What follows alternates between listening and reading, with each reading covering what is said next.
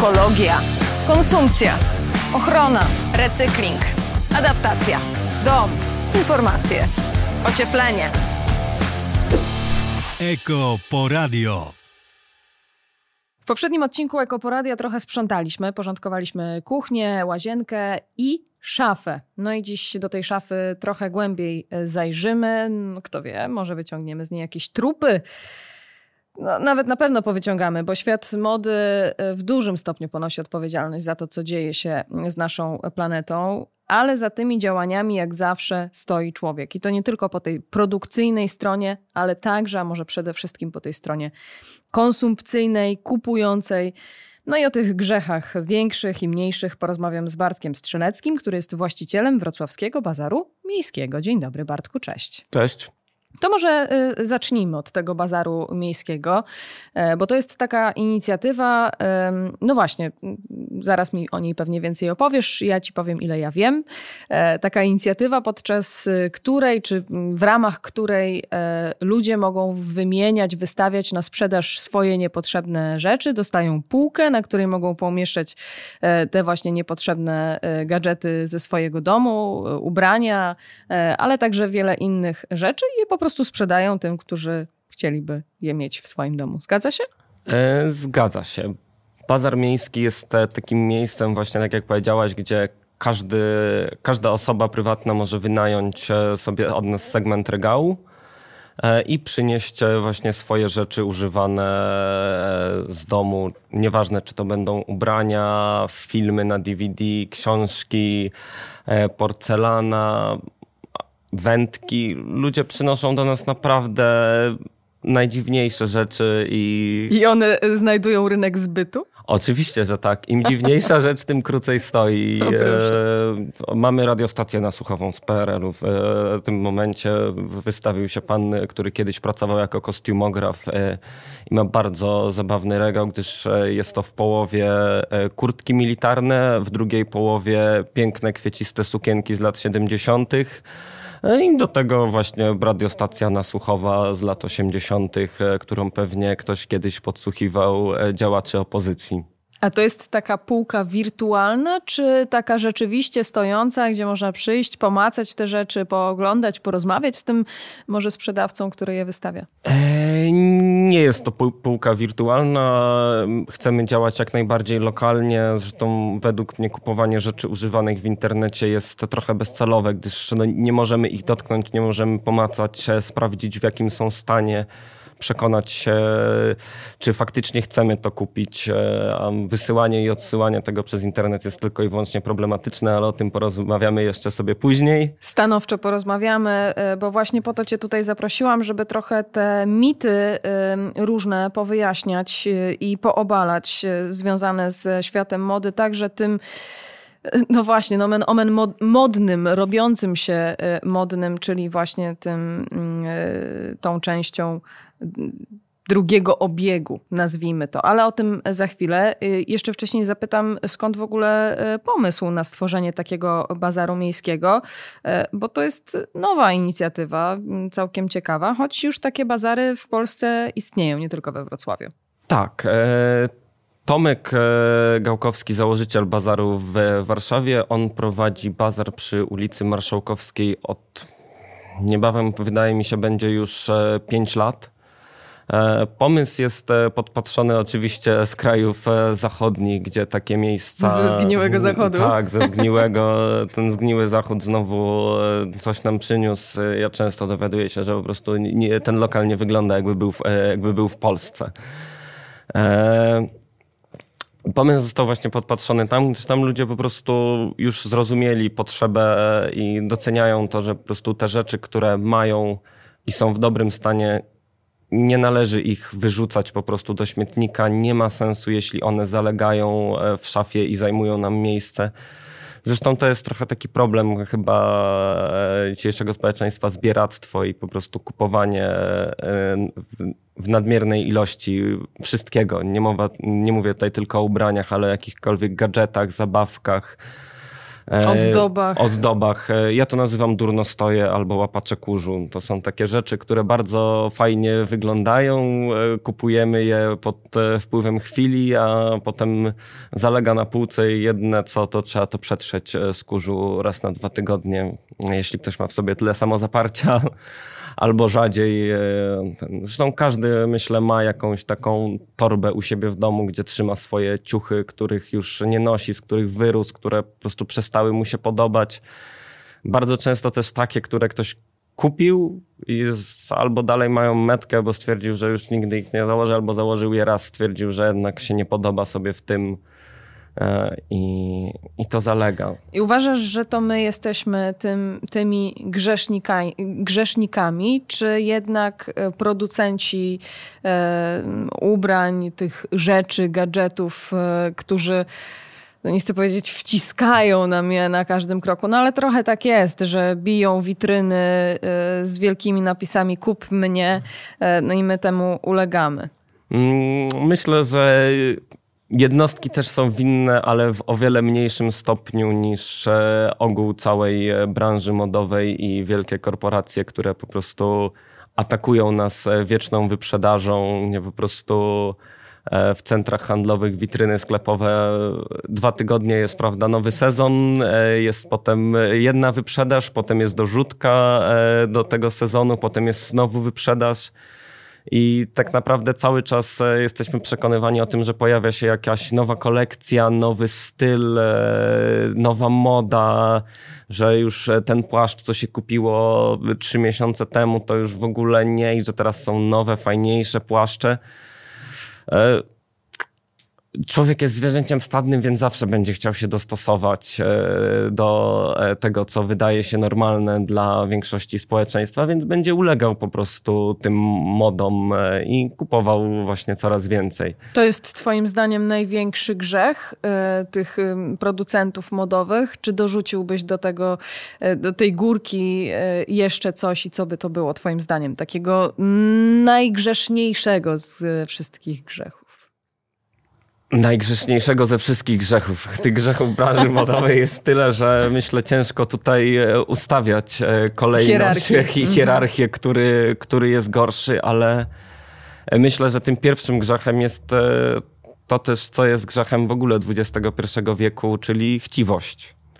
To jest po prostu chęć sprzedawania coraz większej ilości ubrań, produkowania ich coraz mniejszym kosztem, nie zwracając uwagi na środowisko i po prostu wykorzystywanie tego wszystkiego do dalej powiększania swojego biznesu.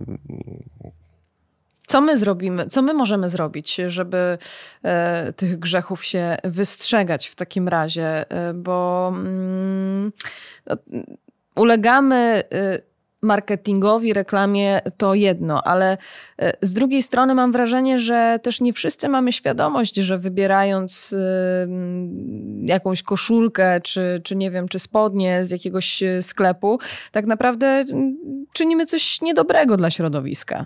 No bo wiesz, no my dostajemy gotowy produkt, nie bardzo się zastanawiamy nad tym, jaka jest jego droga przed tym, aż trafił na półkę Tak, sklepową. tak. I dlatego właśnie mm, branża modowa działa na takiej zasadzie, że centra handlowe, które po prostu służą tym zakupom przy okazji załatwiania codziennych spraw. To jest e, po prostu właśnie kupowanie, kupię, kupię koszulkę przy okazji. Nie zatrzymam się, nie pomyślę o tym, e, czy jak została wyprodukowana ta koszulka. Że jeśli ta koszulka kosztuje 10 zł, to ile musiał zarobić ktoś, kto wyprodukował e, ręcznie tę koszulkę, tak? To, jest, e, to jest ten problem. Właśnie zwolnienie, zastanowienie się nad tym, skąd e, tak właściwie biorą się te wszystkie ubrania, że może czasem warto wydać na tę koszulkę 50 zł zamiast 10, bo po prostu też e, posłuży nam dłużej. Co niestety dla wielu ludzi będzie niemożliwe wydanie tych 50 zł zamiast 10 zł na koszulkę i to też jest właśnie grzech branży modowej, że po prostu te produkty niskiej jakości, które tak naprawdę niszczą środowisko i potem i tak my płacimy za to, że środowisko jest niszczone, tylko w inny sposób. Nie płacimy za to w cenie koszulki, tylko płacimy za to w cenie rosnących cen energii, w, e, w coraz gorzej dostępnej wodzie. Po prostu wszystkim, co się dzieje obecnie z klimatem. Masz y, wiedzę na temat tego, jak wiele y, tych ubrań trafia na wysypiska, czy właśnie, czy one trafiają na wysypiska, czy y, też słyszałam taką teorię, że są po prostu palone, na przykład jak zamawiamy przez internet, który też wspomniałeś, że no, jest całym złem trochę i, i, i później odsyłamy te ubrania i one już nie są ponownie wystawiane na sprzedaż, tylko palone, to prawda? Myślę, że w wielu przypadkach jest to prawda. Tak naprawdę droga każdego ubrania w momencie, w którym stanie się niezdatne do użytku, będzie, będzie zupełnie inna. Ja widziałem zdjęcia z prawda, śmietników galerii handlowych, gdzie są po prostu pocięte torebki po 3000 zł e, za sztukę po prostu ktoś je odesłał, miały drobną wadę, no i zostały wyrzucone do śmietnika, z tym, że po prostu firma zmusza pracowników do zniszczenia tych rzeczy, tak żeby po prostu były już e, niezdatne do użytku. E, co do palenia ubrań, też na pewno ma to miejsce, po prostu wiele śmieci, dużo ludzi po prostu wyrzuca zniszczone ubrania do odpadów zmieszanych i tak, no oczywiście jeśli to są rzeczy, które już kompletnie nie nadają się do, do użytku, no to nie ma co z nimi zrobić. Ja, chociaż ja na przykład swoje stare t-shirty wykorzystuję je do mycia roweru. Najprostszy sposób. Chociaż starych jeansów już niestety nie. Mogę je co najwyżej e, dać na jakieś ścinki i tyle. A co do palenia, e, nie, o paleniu już właśnie było. Tak, o, pale, o, paleniu już, e, o paleniu już było, było też o wyrzucaniu. Um, to chyba jest duża skala y, tych ubrań wyrzucanych, gadżetów wyrzucanych na śmietniki, ta ich droga. Mm, często właśnie tak się kończy, ale nie zawsze, bo właśnie o tym drugim obiegu teraz sobie y, trochę porozmawiajmy, bo wydawać by się mogło, że na przykład lumpeksy, które teraz y, zaczynają się robić y, coraz modniejsze, e, czy generalnie ten drugi obieg to jest taki trochę ratunek e, dla, dla tych ubrań i dlatego, by na tym śmietniku ostatecznie nie wylądowały. Ale to chyba nie jest aż tak kolorowo, jak mogłoby się wydawać. Ech, tak jak mówię, to wszystko zależy od człowieka, który e, posiada to ubranie. Takim najprostszym sposobem e, pozbywania się niechcianych ubrań jest e, po prostu rodzina i znajomi. Każdy, każdy kto ma rodzeństwo, pewnie nosił coś po swoim starszym bracie e, dostał coś po rodzicach, czy po prostu oddał coś komuś innemu, tak? Często zdarza się tak, że po prostu znajomi, e, tak jak ty, kiedy, e, tak jak ty mówiłaś wcześniej, że znajomi spotykają się, po prostu rzucają e, swoje rzeczy na wspólną kupę i każdy sobie wybiera to, co, to, co mu się podoba, podmienia te rzeczy. E, Natalia, jedna z moich pracowniczek w bazarze w rodzinnym Kołobrzegu, organizowała bardzo często clove swapy, czyli po prostu wydarzenia, na których dzieje się to, o czym właśnie mówiłem, co może dziać się po prostu w gronie rodzinnym. Tak, wystawiano po prostu na głównym deptaku w Kołobrzegu wielki stół.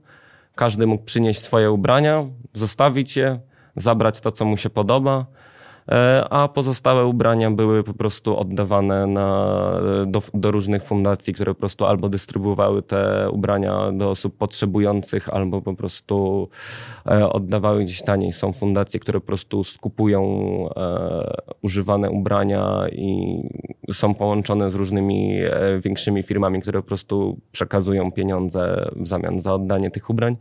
Często niestety są to śmieszne kwoty. Mam, kiedy słyszę o tym, że, jaka, że, że, jeśli oddam komuś 20 kilo ubrań i 20 zł zostanie przekazane na jakąś fundację, a w lumpeksach na pierwszym dniu towar kosztuje po 50 zł za kilogram, to wydaje mi się to trochę śmieszne. No właśnie, co z tym komercyjnym obiegiem e, e tych rzeczy? Mm, czy to, że idziemy do jakiegoś komercyjnego lumpeksu, czy e, mówiąc ładniej second handu e, z angielska, e, to, to już możemy czuć się dumni z tego, że, że robimy dobrze planecie i że jej nie szkodzimy?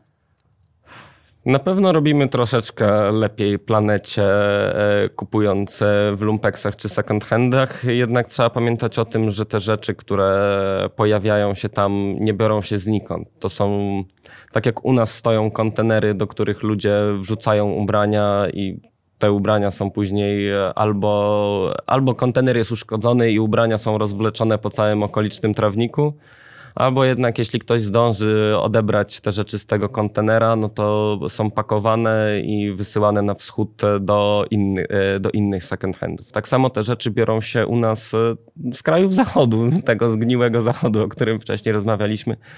I tam też są takie kontenery, gdzie ludzie się pozbywają i wysyłają do troszeczkę biedniejszego kraju.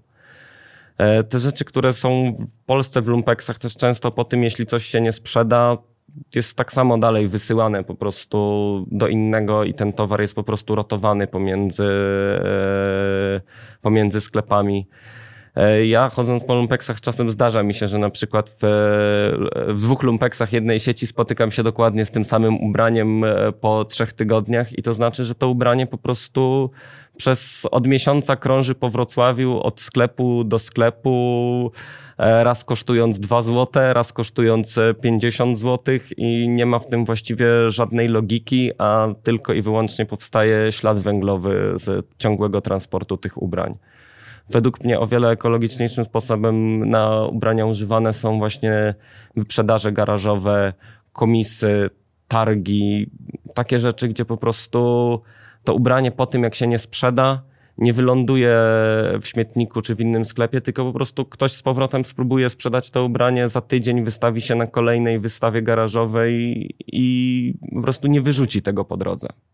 A co ze sklepami internetowymi? Czy tą sprzedażą internetową? Troszkę już powiedziałeś, jakie masz zdanie na ten temat, ale myślę, że w czasach. Yy nawet pogłębionych, e, mam wrażenie, przez pandemię koronawirusa, czyli takich, w których wiele rzeczy dzieje się wirtualnie, od tego uciec się raczej nie da. I, i takich sklepów Vinted, na których możemy się właśnie wymieniać, nawet robić biznes, no umówmy się, sprzedawanie nie. swoich rzeczy z szafy to jest swego rodzaju e, biznes, no powstaje wiele. E, oczywiście, znaczy według mnie tak handel rzeczami używanymi w internecie, szczególnie ubraniami, których nie możemy założyć, przymierzyć, e, poczuć z jakiego są materiału, zobaczyć siebie, jak w tym wyglądamy, czy się sobie podobamy, jest e, kompletnie bez sensu, bo kończy się tylko tym, że często te rzeczy są po prostu odsyłane, wyrzucane. wyrzucane e, albo ktoś przegapi moment zwrotu i mu właśnie ta nowa rzecz z metką zaczyna zalegać w szafie. Więc raczej unikamy. Raczej unikamy. Ja znam przypadki niestety niechlubne wśród moich znajomych, które próbuję wytłumaczyć, że może to nie jest dobrze robione, ale znajomy kiedyś kupił trzy kurtki ze sklepu internetowego, dokładnie te same w trzech różnych rozmiarach. I żadnej nie oddał? Czy oddał? oddał? Nie no, chciał przymierzyć, który Aha. rozmiar mu najbardziej pasuje i niestety sklepy internetowe umożliwiają coś takiego, że po prostu zamawiasz trzy kurtki, sprawdzasz sobie, odsyłasz dwie. No i, i właśnie, to jest, i to jest ta sytuacja, w której z jednej strony powstaje ślad węglowy w związku z transportem, bo to też, y, mówmy się, mm, te sklepy nie mają magazynów tuż przy naszym domu, no. tylko gdzieś daleko.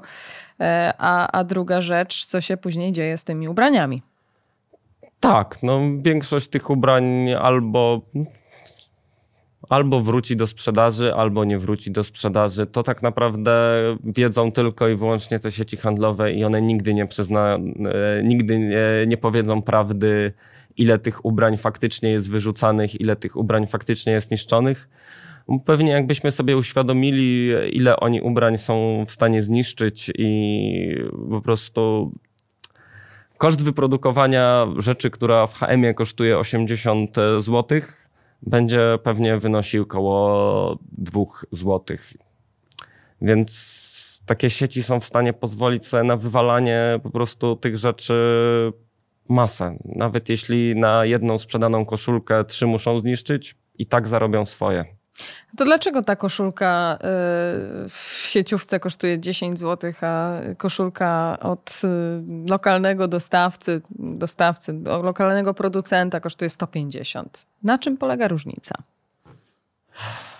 Różnica polega na tym, że te ubrania, które są szyte w Polsce i które kosztują po 150 zł, nie są szyte przez tanią siłę roboczą. Przez tanią to. siłę roboczą. Pamiętamy historię sprzed kilku lat e, w Bangladeszu, kiedy zawaliła się hala, w której e, szył też polski koncern modowy, gdzie zginęło, nie pamiętam ile osób, ale no, wiele. Nieważne, to nie jest ważne ile. To ważne, Każde ludzkie życie się... Ważne, że to w ogóle miało tak. miejsce tak. i że tak naprawdę nic się z tym nie dzieje, tu się nic nie zmienia. Generalnie te hale dalej istnieją, panują w nich dokładnie takie same warunki, jak panowały e, przed tą tragedią, zanim świat się dowiedział, jak to wygląda. Zresztą to chyba nie jest nic. E, w, w, w, czasach internetu można się wszystkiego dowiedzieć w ciągu pięciu minut, tak naprawdę wpisując to w Google i szukając e, po prostu odpowiedzi, więc dla nikogo nie powinno być tajemnicą, jak to, jak to wygląda. A czy nasz lokalny producent też może nas oszukać? E, oczywiście, że, że tak. To chyba też była, nie, nie pamiętam już kiedy była akcja z jedną znaną instagramerką, która prawda, e, reklamowała polską, e, e, że zakłada piękną polską markę, bluzy szyte w Polsce, po czym wyszło, że tak naprawdę, tak naprawdę chińska produkcja. Te rzeczy, które są produkowane w Polsce, one będą wyższej jakości, mam nadzieję. Często też właśnie może się to okazać ściemą. E, ale są takie drogie przez to, że po prostu cała ta produkcja w latach 90. wyniosła się właśnie do, do krajów Azji. E, te wszystkie firmy zostały zniszczone, nie ma, e, nie ma po prostu tego przemysłu odzieżowego w Polsce w takiej formie, w jakiej był te 40 czy 50 lat temu. Teraz to powoli zaczyna się odradzać. Mamy coraz więcej e, polskich szwalni, coraz więcej polskich marek. Te ubrania są coraz większej jakości, no ale póki ten biznes nie okrzepnie, te ubrania niestety będą bardzo drogie i niedostępne, e, niedostępne dla ogółu. A to myślę jest też e, właśnie takim problemem w rozmawianiu o modzie, że często moda po prostu właśnie kojarzy się z dużymi pieniędzmi, z taką elitarnością i i że po prostu wiele ludzi uważa, że jeśli ktoś się interesuje modą, to po prostu e, nie ma nic lepszego do roboty, jest zakochany w sobie i interesuje go tylko swój ubiór, a, a prawda jest taka, że jeśli się fajnie ubierzemy i dobrze się czujemy w swoim ubraniu, to po prostu jesteśmy szczęśliwsi i lepiej się czujemy, fajniej nam się kontaktuje z innymi ludźmi, jesteśmy bardziej pewni siebie tylko ważne, żeby znaleźć w tym jakiś złoty środek i żeby to nie było kosztem tych żyć w krajach rozwijających się. Tak, dokładnie tak. No, tak jak mówię, można po prostu zatrzymać się, pomyśleć, pokupować rzeczy, które są po prostu właśnie z drugiej ręki, kupić sobie jednego t-shirta trochę lepszej jakości, który nawet jeśli będziemy go prali dwa, trzy razy w tygodniu i tak przeżyje dłużej niż ten, e, niż pięć t-shirtów e, e, z sieciówki. Mówimy dużo o tej jakości materiałów i, i chyba jest ich dużo na rynku, bo, bo są też materiały ekologiczne albo rzeczy, które powstają z recyklingu, prawda? To też jest chyba jakaś droga do tego, żeby, żeby troszkę troszkę, e, troszkę mniej tę e, planetę obciążać. E, tak, na pewno fajną rzeczą jest e, upcykling ubrań, czyli nie jak recykling, e, tylko upcykling, robienie czegoś lepszego z czegoś, e, z czegoś używanego. I ludzie po prostu biorą ciuchy, które są lekko poniszczone, przerabiają je w taki sposób, że po prostu nadają im nowe cechy, maskują te wady, czy po prostu robią z nich coś całkowicie nowego. E, we Wrocławiu nie przypomnę sobie, ale jest dziewczyna, która szyje niesamowite nerki e, z po prostu zniszczonych ubrań. Więc jeśli komuś się trafi kurtka w pięknym kolorze, ale po prostu w strasznym stanie, zawsze może tę kurtkę po prostu sobie przerobić na właśnie nerkę, a nie kupować e, nową i to jest super.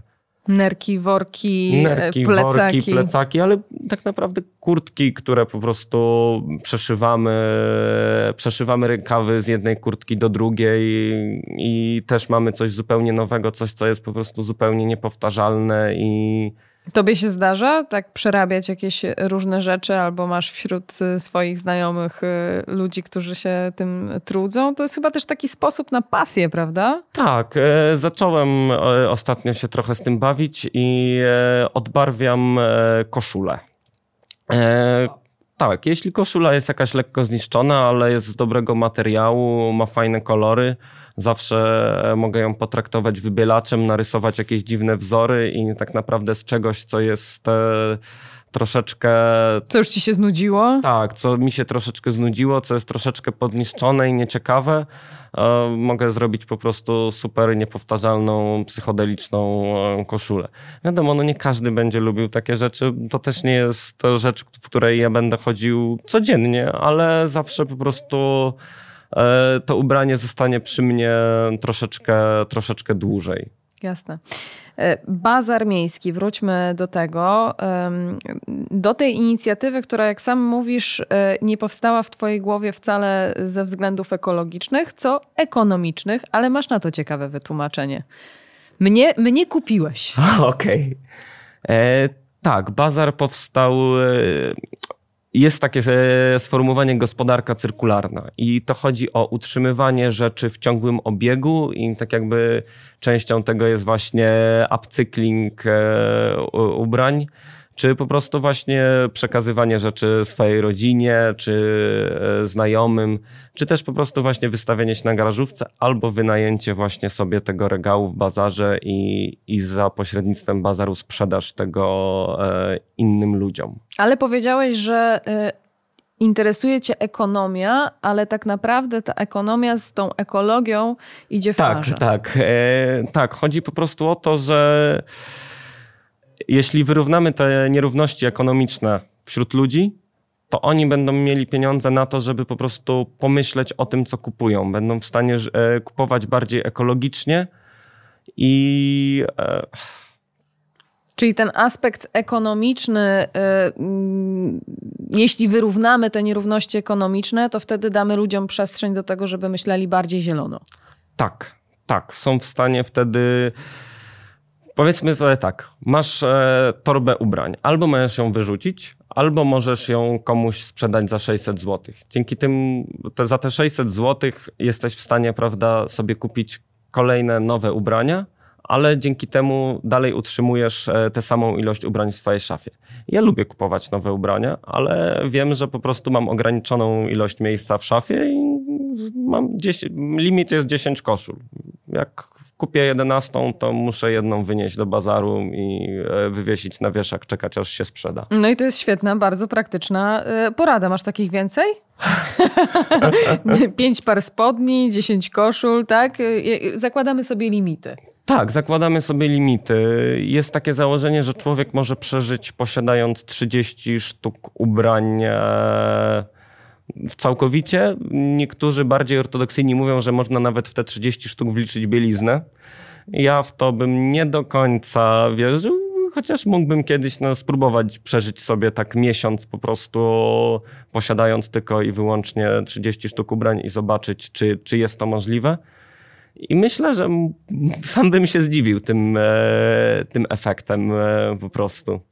No myślę, że to e, wszechobecna, wszechobecna chęć posiadania e, nam trochę mm, przysłania e, faktyczny obraz i, i może taki eksperyment warto by było tak, przeprowadzić. Tak, rzeczy, które mamy, które kupujemy, nie muszą być nasze na zawsze. To jest takie bardzo fajne założenie, że ja mogę sobie ponosić jakąś koszulę przez trzy miesiące i nawet jeśli ona mi się dalej podoba, to znajdę sobie fajniejszą i po prostu tą, którą mam, sprzedam, kupię sobie inną, zostaję dalej przy tej samej ilości ubrań. Jak długo bazar istnieje? E, sam bazar e, jako całość, tak jak mówiłem, w Warszawie od 5, 5 lat temu pierwszy, pierwszy punkt, we Wrocławiu od czerwca zeszłego roku. Znalazły się tam jakieś e, perełki? Pamiętasz coś, co mm, totalnie zapadło ci w pamięci?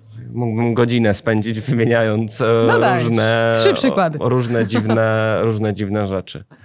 Um, dla mnie największą perełką to jest rzecz, którą kupiłem sobie i e, z którą nie rozstanę się absolutnie nigdy.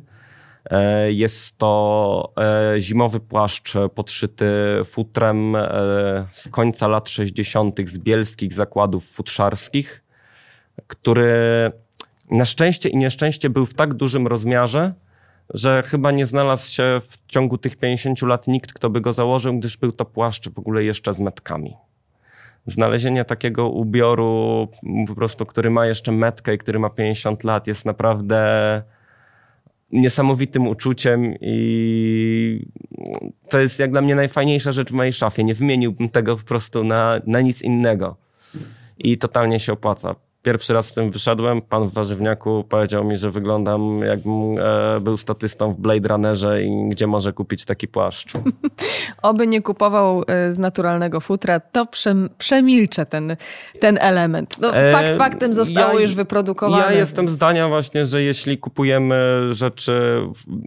Nie kupiłbym nigdy nowego futra, nie kupiłbym nigdy nowej skóry. Natomiast jeśli ta rzecz została już wyprodukowana... E, I już gdzieś u kogoś była. Już gdzieś u kogoś była no to i tak istnieje. Lepiej chyba, żeby ktoś to nosił i używał, niż e, żeby to po prostu wyrzucić, e, zniszczyć, czy miało po prostu zalegać i, i zajmować miejsce. Mhm. A, kolejna ciekawa rzecz, jaką kupiłem, znaczy może nie kupiłem, jakieś ostatnio sprzedały. Mieliśmy płaszcz Barbery również e, z lat 80. E, tak naprawdę takimi największymi perełkami zawsze będą jakieś takie właśnie kultowe klasyki, które po prostu e, obecnie za płaszcz Barbery płaci się chyba 8 tysięcy złotych, natomiast w bazarze ktoś wystawił tak samo nieużywany płaszcz z lat 80. Barbery za 600. No to, jest to, to jest zdecydowanie, jest to zdecydowanie okazja, a myślę, że taki płaszcz Barbery, nawet jeśli ktoś teraz kupił, ponosi kilka lat i tak będzie w stanie go sprzedać e, za podobną kwotę, o ile oczywiście będzie o niego dbał i, e, i utrzymywał go w dobrym stanie. No to jest jeszcze e, druga kwestia, że właśnie często po prostu nie dbamy o te nasze ubrania i rzeczy i dlatego one tak szybko lądują na śmietniku, bo po prostu myślimy sobie, no, kupię sobie następną za tydzień czy dwa, to po co mam o nią dbać? No, jest to prawda. Znaczy, jest to też kwestia tego po prostu, że nie dbamy o te rzeczy, jeśli kupujemy je po prostu tanio i jeśli one i tak wiemy, jakiej jakości są wykonane. Ja święty nie jestem. Ja przyznam, 10 lat temu kupowałem ubrania głównie w sieciówkach, w ogóle o tym nie myśląc i po prostu E, kupienie dwóch nowych t-shirtów e, miesięcznie i wywalenie dwóch, które się już poniszczyły, było kompletną. Standardem. Tak, kompletną normą. E, ale powiedzmy sobie szczerze, ta świadomość ekologiczna tak naprawdę zaczęła się budzić u nas w ciągu ostatnich kilku lat i 10 lat temu no właśnie Ktoś mówiący cię... o ekologii mhm. był po prostu czymś takim... E, freakiem. O, freakiem, prawda? O, zielony ten, prawda? Jakiś e, eko, ekoaktywista, coś dziwnego. Teraz praktycznie e, w młodszym pokoleniu każdy się tym interesuje. No właśnie chciałam cię o to zapytać i troszkę już odpowiedziałaś na to, na to pytanie. Czy widzisz zmianę w ludziach? Czy chętniej sięgamy po ten drugi obieg? Czy, czy już się tego nie wstydzimy? Bo y, jeszcze do niedawna mam wrażenie, że to był taki powód do wstydu. Jak ktoś ubierał się w lumpeksie czy w second handzie, to od razu była mu przyszywana nomen omen e, łatka e, kogoś biednego, e, uboższego, kogo po prostu nie stać na, na lepsze ubrania. Myślę, że ten tak, jest to dalej przez niektórych stygmatyzowane i niektórzy uważają, że po prostu kupowanie w tych lumpeksach to są same po prostu podarte, zawszone łachy i, i, i tak, i są po prostu przeciwni temu. Myślę, że bardziej ten stereotyp jednak na pewno działa w mniejszych miastach niż w większych miastach takich jak Wrocław, bo po prostu wśród młodych ludzi kupowanie rzeczy z drugiego obiegu, czy rzeczy vintage jest po prostu fajne, jest po prostu modne. modne. Tak, jest po prostu modne. E, co do jakichś takich stygmatów, w sensie Lumpeksy troszeczkę mają tą swoją złą sławę właśnie przez to, że te rzeczy nie są nigdy przeselekcjonowane, często jest bałagan, wchodząc do lumpeksu często czujemy ten taki e, specyficzny zapach. Detergentów i, czegoś odkażającego. Tak, tak, odświeżaczy powietrza. Te ciuchy, to dobrze by było, jakby tam było czuć zapach jakichś proszków i detergentów, bo to by oznaczało, że te ciuchy są przynajmniej uprane przed e, wrzuceniem do tego lumpeksu, ale często widzi się po prostu, jak te rzeczy przyjeżdżają, prawda, zawinięte w jakieś inne e, materiały i po prostu są przerzucane jak worki. Mhm. Więc... E, sami sobie winni. Sami sobie winni, tak, tak. E, zgubiłem się, jakie, jakie było pytanie na samym początku. Czy, y, y, czy nie wstydzimy się już korzystania z lumpeksów? Takie było pytanie. Ja się nie wstydzę. Ja się nie wstydzę. Chodzę głównie w używanych ubraniach. Czapkę dostałem z 12 lat temu od przyjaciółki na urodziny. Buty mam nowe, wszystko pozostałe, mm, co mam dzisiaj ze sobą, kupiłem albo w bazarze, albo e, na jakimś targu, albo w lumpeksie. No i postawimy Cię tutaj za żywy przykład. Bartek, zbliżamy się do końca naszej rozmowy. E, zadam Ci więc pytanie, które zadaję każdemu mm, z moich gości. E, wprawdzie, powtórzę to raz jeszcze, raczej jesteś właścicielem bazaru nie ze względów ekologicznych, ale ekonomicznych, choć jak powiedzieliśmy, te względy się mm, przenikają i myślę, że z Twoich wypowiedzi y, mimo wszystko płynie ta, to poszanowanie dla, dla naszej planety. Dlatego też pytanie to nie będzie bezzasadne, myślę, i, i odpowiedź może być ciekawa. Ekożycie, Twoim zdaniem, jeszcze prośbą czy już groźbą? Jeszcze prośbą czy już groźbą? Myślę, że. Kurde, ciężkie pytanie. Chwilę. tak, słyszę to często, że to tak. jest ciężkie pytanie. Ty byś jeszcze prosił, czy już groził? Czy może ja w ogóle myślę, żadna ja... z tych dwóch opcji nie, nie jest y, wyjściem? Ja myślę, że nie ma co prosić każdy powinien w zgodzie ze swoim sumieniem e, zacząć e, po prostu myśleć e, o tym, co kupuje i co i jak żyje, i czy po prostu jest w stanie produkować trochę mniej śmieci, troszeczkę ulżyć planecie. Co do gruźb, to zdecydowanie, ale to nie trzeba grozić jednostkom, trzeba grozić wielkim firmom, które po prostu to produkują, bo to one tak naprawdę Szkodzą. To one szkodzą, więc to tak naprawdę bez zmiany prawnej, bez blokowania jakichś e, po prostu właśnie takich rzeczy, jak po prostu niszczenie ubrań. Mhm. To nie powinno mieć miejsca. W ogóle to jest coś, co po prostu powinno być e, zakazane. Tak samo jak we Francji zakazano supermarketom wyrzucania jedzenia, tylko muszą je przekazywać e, ludziom tak, potrzebującym. W Polsce też już się to dzieje. W Polsce też już się powoli dzieje. Pytanie, czemu nie, nie przenieść tego na grunt modowy? Tak? Jedzenie tak naprawdę wyrzucone zgnije sobie i e, nie będzie zalegać na wysypisku. Będzie po prostu dużą, będzie równie dużą stratą dla ekologii, ale jednak ten odpad pozostawi po sobie mniejszy. Ubrania, szczególnie z sztucznych e, materiałów, pozostaną z nami prawdopodobnie już na zawsze na tym wysypisku. No i niestety, niech to będzie y, smutna puenta. Miejmy nadzieję, że coś się w tym temacie zmieni, a tymczasem zapraszamy do Wrocławskiego Bazaru Miejskiego. Tam się dzieje. Gdzie jesteście? E, znajdujemy się na ulicy Brodatego 11. To jest bliskie, bliskie na Dodrze, zaraz obok Wyspy Słodowej. E, można, sobie... Można wpaść na zakupy, na kawkę. Mamy też sklep z winylami, więc polecamy się poczuć ten drugi obieg na sobie także i może znaleźć jakąś perełkę. Bartek Strzelecki, waszym moim gościem w Ekoporadiu. Dzięki serdeczne. Dzięki. Eko Poradio.